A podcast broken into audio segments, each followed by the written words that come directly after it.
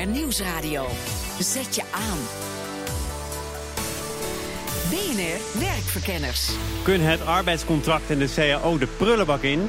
Thomas van Zijl. Of blijven er altijd regels nodig? Hoeveel vrijheid kun je werknemers geven? Daarover praten we in deze uitzending. Eerst naar onze werkverkenners, de elf personen die een dwarsdoorsnede zijn van onze arbeidsmarkt.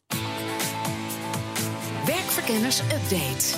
Sven Ronkes is diversiteitsofficer bij ABN AMRO.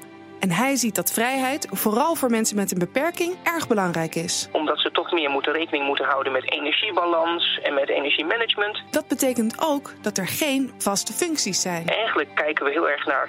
Uh, kun je zoveel vrijheid in je functie hebben dat je uh, de functie zodanig bijsnijdt dat die echt onderdeel uitmaakt van je talenten en dat het echt waarde toevoegt binnen je team. En daar kijken we expliciet naar uh, voor mensen met een beperking, maar dat is eigenlijk voor alle medewerkers. De technische term daarvoor is jobcrafting. Dat betekent dat ook de functie van Sven niet van tevoren vaststond en dat er echt gekeken is naar wat hij goed kon. Bijvoorbeeld, ik ben heel slecht in planning en organiseren. Ik heb zelf een hersenbeschadiging. Daardoor in mijn functie moet ik delen, plannen en organiseren. Daar ben ik heel slecht in. Maar ik ben wel heel goed in het schrijven van creatieve teksten. Dus kan ik zorgen dat ik in mijn functie meer van dat soort taken ga doen die echt in mijn talent liggen. Tot zover deze update. Wil je meer weten over onze werkverkenners? Kijk dan even op de site bnr.nl/slash werkverkenners.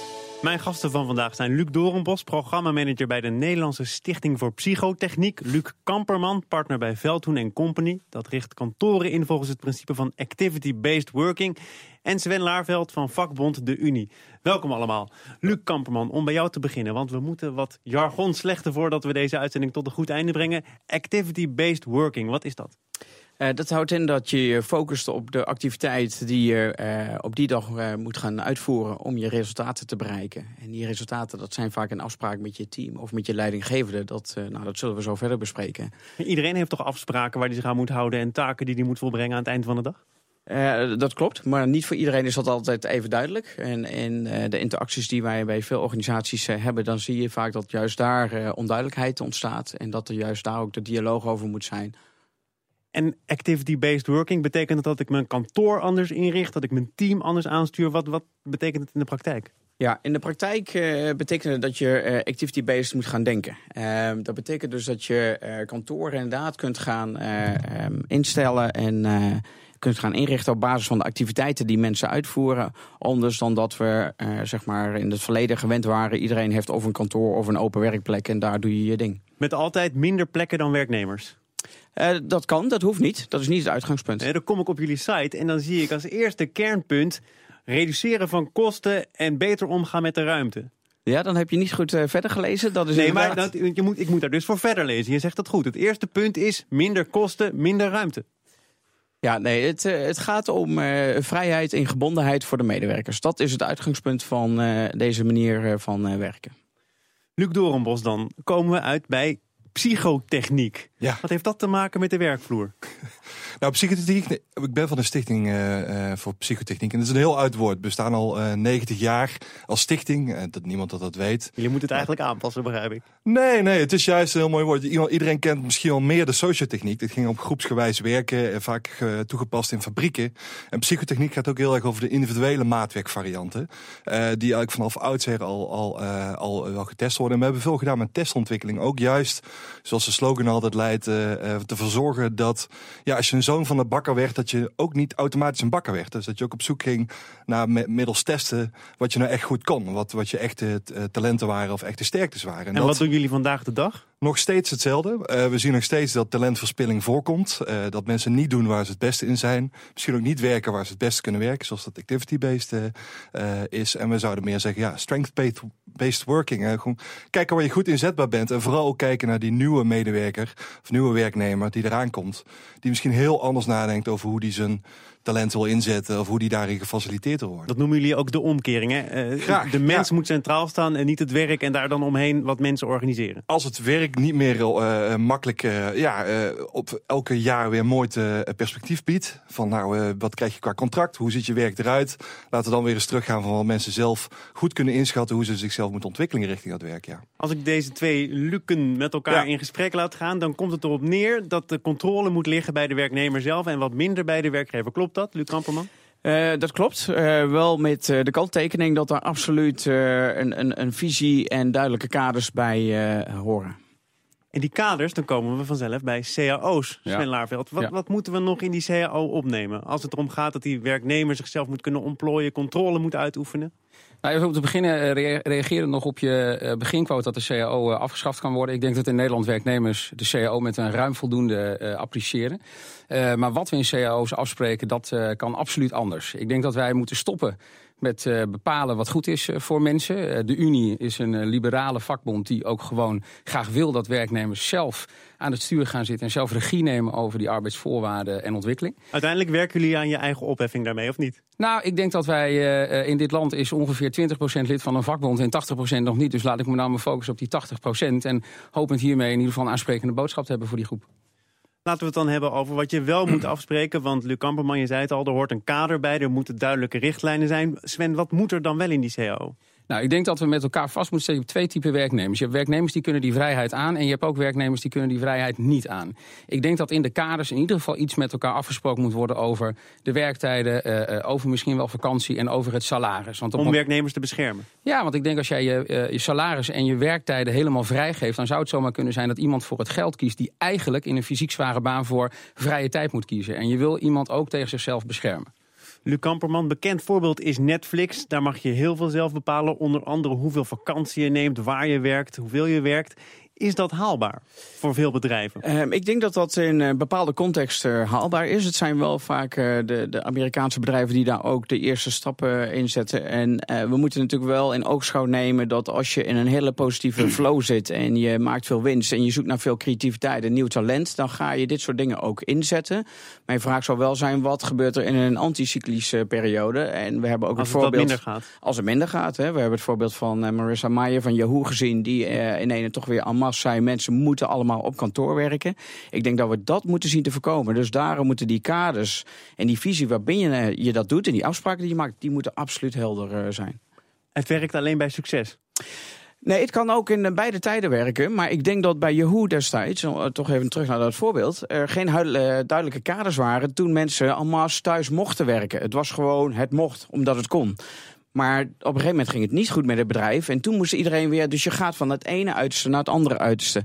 En dat uh, kan een, een, potentieel gevaar zijn, ook voor Netflix. Als je inderdaad hebt, hè, want het heeft al uh, aangetoond dat sommige mensen niet kunnen omgaan met het niet hebben van vakantiedagen.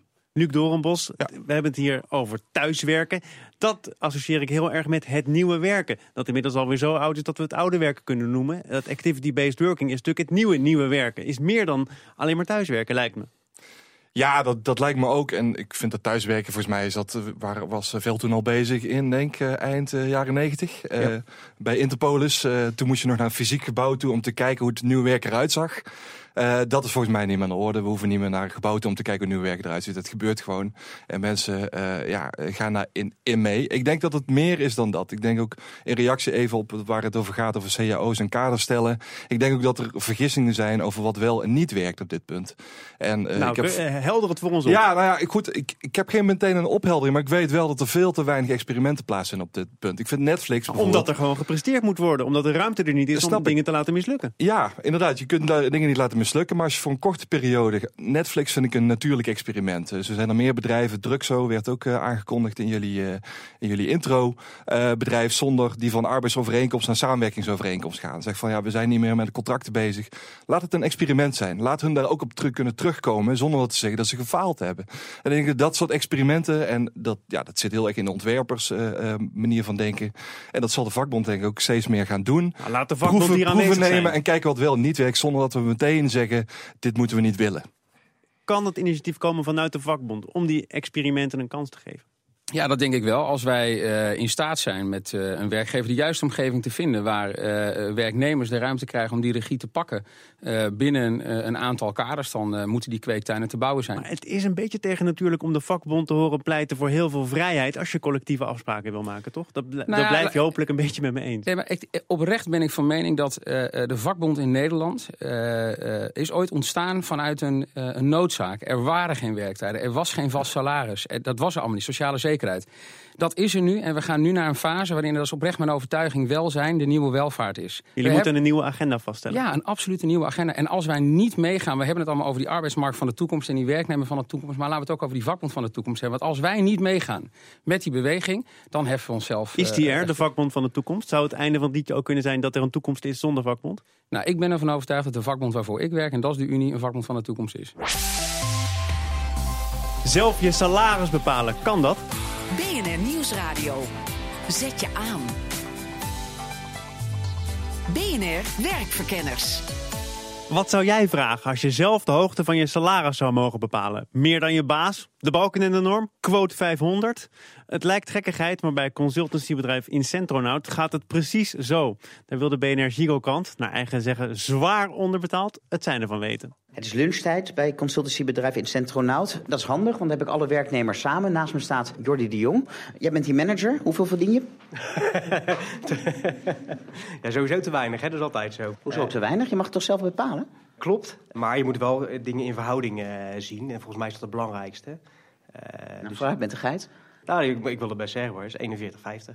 41,50. Ja. En wie zit er hierboven? Er wordt gewezen. er, wordt, er wordt gewezen. Er zit er iets boven, ja. Ja? Want dat mocht je zelf bepalen. Maar waarom heb je er niet meteen 60 van gemaakt? Of nou, laat ik eerst vragen, hoeveel is het?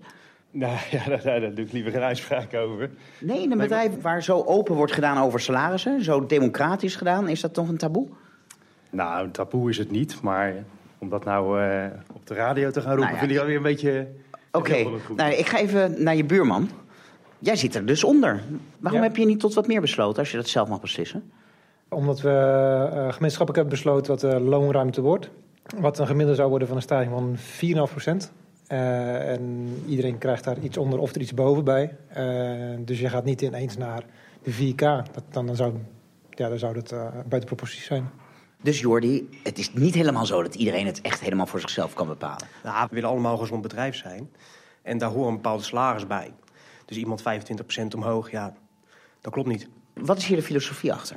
Nou, wij geloven erin dat gelukkige medewerkers ook excellente resultaten eh, opleveren. En zelfsturing is hier een onderdeel eh, van. En zelfkennis lijkt me belangrijk. Ja, ook heel belangrijk. Ja. Wat nou als er toch één komt en die zegt, nou, eh, doe mij maar een ton. Ja, daar kan je het altijd over hebben en dan kan je het ook met, met elkaar over gaan hebben. Van oké, maar stel dat we dat gaan doen. Is dat goed voor de groep? En meestal komen mensen tot de conclusie van, gaat het toch niet worden. Hoe lang doen jullie dit nu? Wij doen het nu twee jaar. En wordt er nu meer uitgegeven aan loonkosten dan twee jaar geleden? De salarisverhogingen zitten wel iets hoger dan daarvoor. Eh, maar we hebben het gesprek erover, dus dat is goed. Wat denk je? Werkt dit ook voor andere bedrijven? Bijvoorbeeld voor BNR Nieuwsradio? Want ik zelf vind bijvoorbeeld dat ik veel te weinig verdien. Eh, het zou kunnen werken. Eh, daar moeten ze wel dan eh, eerst gaan kijken naar de cultuur. Is die open genoeg en heeft iedereen de juiste informatie om echt te kunnen beoordelen van verdien ik te weinig? Is het niet iets voor een klein bedrijf? Nou, wij zijn ondertussen 250 man, dus volgens mij kan het gewoon. Maar jullie hebben wel verschillende kleinere vestigingen. Ja, dat klopt. Dat klopt. Het is wel zo, als je, eh, de transparantie kan sowieso, maar je moet het wel op kleinere eh, groepjes doen. Want dan heeft iedereen namelijk inzicht in wat iemand nou doet. En dan ontstaat er een dynamiek waarbinnen mensen voor een goed salaris voor zichzelf, maar ook voor het bedrijf kiezen. Juist, ja, dat klopt. Jongens, jullie zijn wel heel erg lang aan het lunchen. Hè? Moeten we niet weer aan het werk? Mogen jullie ook zelf bepalen? Tuurlijk mogen we het zelf bepalen. Oké, maar straks wel weer aan het werk. Als je de uren maakt. Als je je uren maar maakt, zegt een van de medewerkers van consultancybedrijf Incentronaut, die in alle redelijkheid hun eigen salaris mogen bepalen. Bij mij te gast Luc Dorenbos, programmamanager bij de Nederlandse Stichting voor Psychotechniek. Luc Kamperman, partner bij Veldtoen en Company. En Sven Laarveld van vakbond De Unie. Stel, je gaat ertoe over en je laat medewerkers zelf bepalen wat ze doen. In alle redelijkheid wederom. Luc, eh, hoe geef je dan leiding aan zo'n team, Luc Kamperman? Ja. Nou, dat, dat is denk ik de grootste uitdaging die we voor ons eh, hebben. Eh, er is ooit eh, onderzoek geweest in Amerika dat er een school was en daar hebben ze de omheining weggehaald. De kinderen die speelden bij de omheining, die omheining ging weg.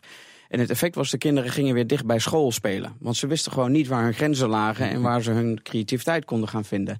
Ik denk dat dat voor bedrijven ook heel erg geldt. Hè. Je kunt niet zomaar in ene iets zomaar weghalen. Je moet duidelijk hebben wat je daarvoor in de plaats teruggeeft en welke kaders dat zijn. Als je dat gedaan hebt, dan kom je bij de leidinggevende. En die zullen uh, daar absoluut uh, meer op, uh, op output en op gezamenlijkheid moeten gaan coachen. Dus in plaats van op control en op de taken die uitgevoerd moeten worden, veel meer op de persoon en op de gezamenlijkheid, wat je als team. Dus dan moet je iets meer naar het microniveau. Luc Dorenbos, dat is moeilijk, want in Nederland zijn we erg gesteld op regels, op die gebondenheid, op controle. Hoe laat je dat varen? Is het wel wenselijk? Nou, ik denk dat even correctie. Ik denk dat we in Nederland juist heel erg goed zijn in te onderhandelen over onze eigen positie. Dat we, als we nou ook maar naar België zouden gaan, dat het daar veel, uh, veel meer onderdanigheid heerst. Dus de werkgever zit er hier niet per se heel erg nou, De werkgever zit er misschien bovenop, maar de werknemer uh, komt ook vrij snel weer terug naar de werkgever. Dus wij zijn het volk van uh, waarom dan? Waarom, waarom moet het zo? Dus daar ben een cultuur mee eigenlijk. Hè. Je zou het raar zijn om het af te remmen. We hebben juist heel veel oplossingen die door mensen zelf worden aangedragen. En de kunst is voor managers daar om goed daarmee om te gaan. Want die schrikken daarvan. Die denken, ik krijg hier honderd ideeën. Uh, wat moet ik daar dan mee? En dat is de kunst van, van, van, uh, van dit soort processen. Ook goed te begeleiden. Op het moment dat je één keer uh, ja, onrechtvaardig nee zou zeggen, komt er geen idee meer binnen van je mensen. En dat is eigenlijk jammer. Heel veel zonde, heel veel creativiteit wordt daarmee Hier gaat het om de bonus die je krijgt. Heel veel ideeën. Stel nou dat je tot de conclusie komt dat er mensen zijn die de kantjes ervan aflopen. Dan zou je in een normale situatie misschien beginnen aan het opbouwen van een dossier. Hoe doe je dat als je niet eens meer weet waar en wanneer iemand ergens mee bezig is geweest? Dat is een hele goede vraag. Ik denk dat dat op de output uh, uh, alleen maar duidelijk kan worden. Um, ja, en de dossiers, uh, ja, je kunt ze zo dik maken als je, als je wil. Als, als men iets met een dossier wil, dat zal de vakbond misschien wel beamen, dan zo komt er iets in je dossier. Toch fijn dat die vakbond nog steeds rechts naast je staat. Sven Laarveld, ik voel, ik voel me ook erg welkom uh, vandaag. Ja. Nee, nee, ik ben niet goed. Uh, is het anders, begrijp ik? Nee hoor, nee, helemaal okay. niet. Nee, ik denk dat het uh, belangrijk is dat je pas kunt beginnen aan zoiets op het moment dat je met elkaar helder en duidelijk hebt waarop je dan gaat sturen. en dat moet meetbaar zijn, dat moet smart zijn, voor de werknemer duidelijk zijn. En het moet vooral niet gaan om, en als je dat niet doet, dan gaan we je dossier opbouwen. Want dan ga je weer, ben je aan het, aan het sturen op iets waar je niet uh, zou willen sturen. Kun je, Luc, zoiets wel beginnen uh, als je al een hele rijke traditie achter je hebt? Kun je van de een op de andere dag zeggen, want er komen natuurlijk goeroes naar Nederland die vertellen hoe het moet. Kun je in principe maandag beginnen? Waarom gebeurt dat niet? Nee, ik denk dat uh, uh, het valt in staat met de duidelijkheid van waarom je zoiets gaat beginnen. En dat, dat heeft dialoog nodig, want het moet op een gegeven moment begrepen worden door de medewerkers en iedereen die daar mee te dealen heeft. We hebben ooit als adviesbureau dat ook geprobeerd. Toen zeiden we alleen de productieve uren, die moet je schrijven. De rest maakt ons niet uit wat je doet.